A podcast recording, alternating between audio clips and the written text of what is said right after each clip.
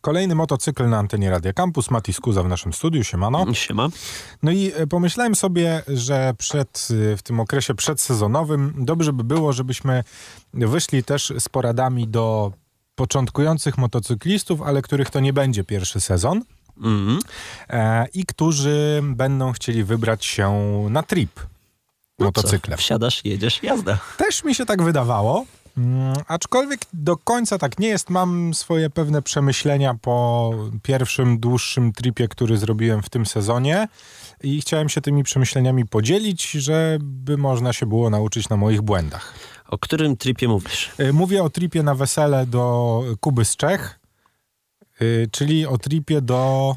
I teraz się zastanawiam, czy jest to Kielc. nazwisko, czy e, Kuba jest z Czech. Nie, Kuba jest z Czech, mieszka w Kielcach i hajtał się w Kielcach z moją, znaczy w sumie to koleżanka bardziej jest moją koleżanką niż Kuba z Czech, ale Kuba z Czech brzmi lepiej, więc nieważne. Long story short. Wybrałem się motocyklem e, takim, no można powiedzieć pseudoturystycznym. To ty chyba leciałeś wtedy? Tracerem 900. Tak, tak jest. Z kuframi. I wtedy mówiłem, że, że nie wiem, czy to jest do końca motocykl turystyczny, czy miejski, czy miejsko-turystyczny, jak go zwał. Nie, nie ma to znaczenia, jaki to był motocykl. Miał kufry, e, ja się w te kufry zapakowałem, no i e, pierwszą rzeczą jest e, to, żeby przygotować się na warunki atmosferyczne, co też poczyniłem. Było dosyć zimno, bo temperatura była taka 7 do 11 stopni. To już chyba była jesień. To już była późna jesień nawet, jakaś chyba końcówka września albo początek października nawet. E, Więc na te warunki atmosferyczne trzeba się przygotować i o tyle, o ile jak jeździsz sobie po Warszawie, no to takie 10 stopni jeszcze jest w miarę komfortowe. Akceptowalne. Ale jeżeli jedziesz autostradą lub trasą szybkiego ruchu 120-140 km na godzinę przez godzinę, to umówmy się, że te 10 stopni ma niewiele wspólnego z przyjemnością i na to trzeba się przygotować. Tak, no pewnie też dlatego kurtki turystyczne, w ogóle ta odzież turystyczna, wyprawowa e, jest w zupełnie, ale to zupełnie różnych cenach niż odzież, no taka zwykła miejska po prostu. Tak, ja na całe szczęście zakupiłem sobie używaną kurtkę, no taką, nazwijmy to pseudo-jesienno-zimową, która była z Goretexem, Mhm. czyli fajnym, ciepłym materiałem. Nie wystarczyła. na szczęście byłem na to przygotowany i schowałem sobie mm, odzież termiczną do kufrów, Mhm. którą po 60 kilometrach zjechałem na stację i po prostu szybko w toalecie zrobiłem przebiórkę. Wjechały kalesony. Niczym super bohater. Tak, wjechała, wjechała odzież termiczna pod koszulkę, pod bluzę i dopiero na to kurtka i wtedy mogę powiedzieć, że było temperaturowo w miarę komfortowo. No jeszcze bardzo często ludzie wrzucają sobie na swój ciuch motocyklowy, jeśli nie dysponują właśnie ciuchami turystycznymi, albo po prostu jest zimno. No poza no, właśnie taką dość oczywistą rzeczą jak e, ciuchy termiczne. I to nie muszą być specjalnie przecież motocyklowe, nie wiem, jakiekolwiek snowboardowe, Nie, no ja narciarskie, takie zimowe, ciuchy, cokolwiek. No. Ciuchy snowboardowe termiczne. No, więc właśnie to to- żadnego znaczenia. Bardzo często wrzucają też y, całego takiego e, wodoodpornego, jakiegoś tam deszczowego, czy to dwuczęściowego, czy to jednoczęściowego, tego na motocykl też trochę tego jest. No bo no jak masz tak jechać też przez godzinę, czy lepiej w deszczu, to szału nie ma. No tak, ja y, jeszcze się w tak owego nie zaopatrzyłem. Na szczęście wtedy no, warunki były takie, że ten deszcz mi nie groził, aczkolwiek myślałem też poważnie o tym. W ogóle nie jest to bardzo droga zabawa, nawet jak chcesz sobie kupić taką narzutę e, prosto ze sklepu nieużywaną, Mhm. to wcale nie jest to jakiś strasznie, strasznie drogi sprzęt. Za 200 wyda się taki, taki płaszcz motocyklowy. Tak, za kupić. dwie stówy to już nawet całkiem konkret, bo Tak, jak no. się rozglądałem, to nawet i za stówę da radę. Da radę, no ale... Tylko za stówę to taki Tak, trochę mocniejszy worek na śmieci. Taki trochę jednorazowy. Więc tak, to jest to rzecz, którą też dobrze by było mieć przed taką wyprawą. E, no i jest e, jeszcze kilka takich drobnych rzeczy typu rękawice. E, Ja, mimo tego, że mam rękawice ocieplane też na taki jesienno, jesienny okres, Ty chyba masz długie. y, tak, mam długie turystyczne rękawice skórzane. Mimo tego zabrałem jeszcze ze sobą rękawiczki do biegania, które też mi się przydały. No, trzeba powiedzieć. Mimo tego, że w tym motocyklu i podgrzewane manetki, i osłony rąk. Tak, te osłony Y, rąk, co i- prawda, tam były takie, Takie połówkowe, takie te, te, ale... trochę udawane, ale ogrzewanie tam było potężne. Szczerze mówiąc, jeżeli pomyślę sobie o tym, że miałbym jechać na motocyklu, który nie miał ani podgrzewanych manetek, ani, em, ani tych dyfuzorów, Mhm. to powiem ci szczerze, że nie wiem, czy bym dał radę nawet w dwóch parach rękawiczek, nie? Znaczy ja kiedyś to przerobiłem e, i wtedy jadąc, no też miałem rękawice długie, motocyklowe, skórzane. Akurat ja nigdy nie dysponowałem ogrzewanymi rękawicami e, i ratowałem się zakładając tak samo jak mamy kalesony termiczne, koszulkę termiczną, to są też rękawiczki termiczne. No tak. I powiem ci, że czujesz się co prawda dziwnie, ale daje radę. Ale też gdzieś czytałem albo od kogoś słyszałem, że w ramach takiego doraźnego to nawet takie jednorazowe, wiesz, medyczne rękawiczki, czy nawet takie foliówki jak z tego, z, ze stacji benzynowej. No tak, jaka, jakakolwiek ochrona przed no, wiatrem, który, przed wiatrem. który przeszywa cię cały czas podczas tego typu podróży będzie wskazana. Cały czas w dzisiejszym motocyklu mówimy o tym, jak się przygotować na takiego pierwszego podstawowego tripa i co by było dobrze z naszych doświadczeń wynikających ze sobą zabrać. E, jest jeszcze jedna bardzo ważna rzecz, która łączy się nie tylko z sezonem e, wiosenno-jesiennym, ale głównie z letnim. No właśnie o tym miałem powiedzieć, bo bardzo cały czas proszę. mówimy, jak jest zimno. A no. co jak zimno nie jest? Y, no jak, znaczy słuchaj, ogólnie rzecz biorąc, trzeba zdawać sobie z tego sprawę, że nieważne jaka jest temperatura, bo nawet przy dwudziestu kilku stopniach, nawet przy 30, w momencie, kiedy jedziesz stałą prędkością 140, to umówmy się, że szału nie ma. No, kominiara i tak musi wejść. No dobra, kominiara. Wystarczy jakikolwiek tam, nie wiem, komin, buf na szyję. No tak, ale y, żebyśmy mieli jasność sytuacji. O tyle, o ile w mieście komfortowo ci będzie w bluzie, czego nie polecamy ogólnie rzecz no, Są bluzy motocyklowe, już tutaj nie dajmy tak, się no oszaleć, no, no są, są te też bluzy ze wzmocnieniem. kurtki, są bardzo przewiewne kurtki, o tyle nawet w najlżejszej kurtce motocyklowej, jadąc po autostradzie 140 na godzinę, mimo tego, że będzie 30 stopni, po jakimś czasie będzie ci chłodno. No tak, jak, jak zachodzi słońce, to wtedy wyciągasz no. bluzę i wrzucasz pod kurtkę. No tak, ale jakby, wiesz, bo to jest coś, e, co w samochodzie nigdy ci nie grozi, nie? I z czym motocykliści na, dobry, na dobrym, na samym początku swojej drogi zawsze mają problem. I dobrze jest o tym wiedzieć, że nieważne jak jest ciepło, przy tego typu prędkości w końcu zrobi ci się zimno, nie ma siły, nie? No dobra, to już się ubraliśmy dobrze. Tak jest. Co dalej? No, zaplanowanie trasy, ale o tym to nie będę wspominać, bo przy samochodzie robisz dokładnie, znaczy powinieneś zrobić dokładnie to samo. Albo się po prostu wybrałeś z namiotem i lecisz tam, gdzie chcesz i nie musisz planować trasy. Tak jest. Rzeczą, którą dobrze by było mieć jest e, jakakolwiek nawigacja, bo ona jest bardzo przydatna. Mhm. O typach nawigacji też moglibyśmy zrobić pewny osobny odcinek. My powiemy o tej, jakich my używamy. Ty używasz w ogóle nawigacji? Używasz? Używam. Czy masz przymocowany telefon do yy, motocykla? Yy, miałem, już nie mam. Mia okay. Miałem ze względu na to, że co się okazało, jeden telefon dodało mi się rozwalić od wibracji mm -hmm. silnika, no ale to dlatego, że miałem dość dużą fałkę. E, no i odkleił mi się aparat od płyty tak. głównej w telefonie, zdarza się.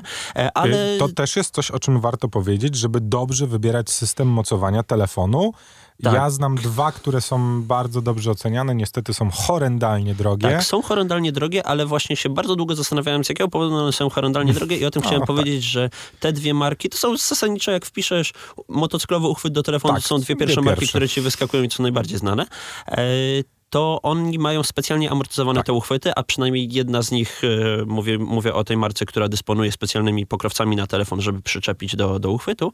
E, ona bardzo się ostatnio tym chwaliła e, i się zawsze zastanawiałem, że jej, no po co tam, nie dajmy się zwariować, tym bardziej, że to kosztuje 10 razy tyle, co, co mhm. jakikolwiek uchwyt z AliExpress. No niespodzianka, ma to sens. Tak, ja powiem o metodzie, którą ja praktykuję. Ja przerzuciłem się na darmową aplikację E, z mapami, która dysponuje trybem motocyklowym, mhm. darmowym. Tak, ta e, taka, co ma takiego duszka niebieska. Tak jest. No, no, ona jest bezpłatna, więc chyba możemy powiedzieć, że jest to Waze po prostu. Tak, no, no spokojnie. E, Też z niej korzystam, wrzucam wtedy tylko tak. telefon do tankbaga, który mam górę przeźroczystą. Widać, ja, słyszę w Ja słuchawkach. w ogóle nie mam telefonu na wierzchu. Jestem podłączony z interkomem i komendy dostaję po prostu na ucho. Mm. I testuję, testowałem to ostatnie dwa lata i w mieście i na trasie działa to fajnie. Poza tym masz też ten motyw, że w momencie, kiedy odzywa się głos, trochę przestajesz jechać na automacie. Mhm. Co też jest dosyć ciekawe, bo o ile w samochodzie mm, rzadziej mi się to zdarzało, że włącza się taki tryb, wiesz, jadę sam. Mhm. O tyle na motocyklu zauważyłem że, i złapałem się na tym parę razy, że włącza ci się taki standby trochę, nie? A jest to opór niebezpieczny. Nie, to, to, to ja akurat właśnie z, z samochodem zazwyczaj jeżdżę na standby'u, ale motocyklem zawsze wiem, co robię. No No, może to- nie zawsze, zazwyczaj. To, są, to jest większość rzeczy, o których powinniście wiedzieć, wybierając się w pierwszego tripa. Jest jeszcze jedna bardzo ważna rzecz, o której bardzo często się zapomina. Niezależnie, czy mówimy o sezonie jesienno-wiosennym, czy sezonie letnim, Mhm. zawsze jest to rzecz priorytetowa. Trzeba pamiętać o tym, że jazda na motocyklu jest bardzo męcząca fizycznie i trzeba zawsze mieć ze sobą płyn. Tak, picie, o którym zapominamy w trakcie jazdy, też jakiś tam baton. Ja akurat mam jeszcze takie rzeczy, które mnie mocno uderzyły na, przy pierwszym moim takim tripie dłuższym. E, o czym szczerze mówiąc w ogóle bym nie pomyślał, nie, nawet nie myślałem na etapie jazdy miejskiej. E, oświetlenie. Jak zjedziesz sobie z głównej trasy, czy lecisz sobie nawet tą autostradą i zaczyna ci się robić ciemno, no powiedzmy, no masz lato, 30 stopni, luzik, jest ciepło, jest fajnie, Tak, przyjemnie, 21, pie- przecież jeszcze jadę, nie? tak, no tak, ale zdarzyłoby to akurat. Pierwszy trip robiłem taki, że dojechałem na miejsce o trzeciej w nocy po prostu. E, I nagle jechałem na, na dalekie Mazury.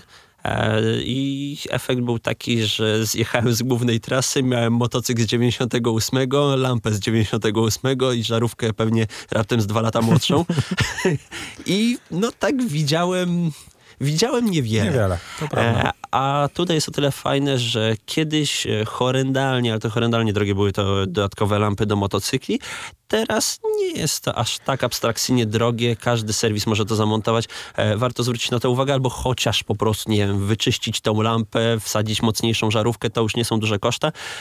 A jednak jak zjeżdża z głównej drogi, gdzie może ci zwierzak wyskoczyć, no nie wiem, jest zakręt, może cokolwiek leżeć na ziemi, a, lepiej widzieć. Zapomnieliśmy pewnie o milionie rzeczy, które jeszcze warto by było dodać, ale mówimy, się. mówimy oczywiście skrótowo. Pakowanie się, tak? To No. też jest... y, Chyba tak. No tak, no, i, no ale to już wiesz, no kwestia, chyba każdy wie, że trzeba majtki, skarpetki zabrać, jak się wyjeżdża Bardziej chodzi o to, dni. w co może- możemy. No dobra, I wiesz co, no, dobra, no oczywiście y, trzeba pamiętać o tym, że e, nie da się na motocyklu jechać z, ze standardowym plecakiem, Nie zgodzę się. spokojnie, dopóki nie jest to plecak turystyczny. Mm, Zgodzę się. Tak? No to słuchaj, ja widziałem kiedyś gościa na y, y, szlifierce, Mhm. który składając się przy 120 y, kilometrach, y, no mówiąc kolokwialnie, wypadły mu kredki z plecaka. Bo mu po prostu stary pęd wiatru otworzył mu cały plecak, nie? Tak, ale no wiesz, no co innego jest jak planujesz, jak jedziesz na szlifierce, składasz się, bo właśnie zapinasz trzeci bieg, mając 400 na godzinę na liczniku. No tak, no. E, A co innego, jeśli jedziesz na normalnym motocyklu, nawet na nakedzie, gdzie raczej nie będziesz lecieć powyżej 120, bo to jest po prostu niekomfortowe. E, I nie mówimy też o tym, że masz, nie wiem, 85 czy 100 litrowy plecak na plecak, tylko mówię o etapie, gdy masz 50 litrów i spoko. A oczywiście najłatwiej, tak, zapakujesz się w ten plecak, zapiąć, zaciągnąć wszystkie sznureczki, wszystkie klamerki i zwykłym ekspanderem, który kupisz na stacji benzynowej na miejsce To prawda. pasażera i jazda, bo właśnie dokładnie w ten sposób jechałem, mając do plecaka jeszcze przetroczony namiot, bo nie wiedziałem jak No. przytroczyć namiot do motocykla i plecak osobno, spiąłem to wszystko razem. No tak, są specjalne siateczki też do motocykli, gdzie, gdzie możemy po prostu plecak przypiąć do siedzenia pasażera. To, co e, ja zauważyłem, bo ja jestem wielkim fanem plecaków, mam plecaków w domu siedem. E, ty wiesz, Set. że ja, ja lubię plecaki, nie mam taki po prostu, mam taką manię. Lubię plecaki, lubię torby, nie wiem skąd, z czego mi się to wzięło. E, ale zauważyłem jedną rzecz. E, po pierwsze, plecak musi być nieco wygodniejszy. Po drugie, e, ba, kiepsko sprawdzają się e, takie klasyczne plecaki, Mhm. które są na płasko, bo on jednak powinien być delikatnie wyprofilowany do, do twoich pleców. Po trzecie i najważniejsze, nie powinien mieć zbędnych e, sznureczków. Tak. Które po prostu doprowadzały mnie na początku do szału. Jeździłem z poprzednim moim ulubionym plecakiem. Jeździłem tłusz, z torbą o kurtkę, jeździłem, o kask, tak, o wszystko. O wszystko. Jeju. No więc jak przy 120 km na trasie zaczyna ci e, ten troczek tutaj od zapięcia na klacie walić po prostu, wiesz, by, by, by, by, by, by, w kask i zastanawiasz się, Jezu, co się dzieje? Coś motocykl mi się popsuł. Nie, to po prostu zbędne paski od plecaka. Wiesz, to są głupoty, nie? Ale głupoty, o których dobrze wiem wiedzieć, wybierając sprzęt, który potencjalnie może być sprzętem motocyklowym. Tak, to prawda. Oczywiście no, poza standardowymi rzeczami typu plecaki mamy kufry, kuferki, torby, sakwy, można kupić motocykl z kuframi, można kupić Co? kufry półmiękkie, Kufry, poszerzane. skórzane, jest tego Dowoli- mnóstwo. W- Rozumiem ludzi, którzy z tym jeżdżą, nie znoszę kufrów. Pewnie dlatego, że ciężko się na motocykl wtedy wsiada. Tak, ja nie podnoszę tego wysoko. No, jak masz trzy kufry i ten taki, no, o Jezu, dobra, byście mnie widzieli pierwszy raz, jak wsiadałem na motocykl z trzema kuframi. Komedia westernu. Tu kończymy motocykl, wracamy w przyszłym tygodniu, żeby opowiedzieć o moim pierwszym motocyklu. Ulala. Tak będzie. Mati Skuza, dzięki. Dzięki. No i słyszymy się w przyszłym tygodniu.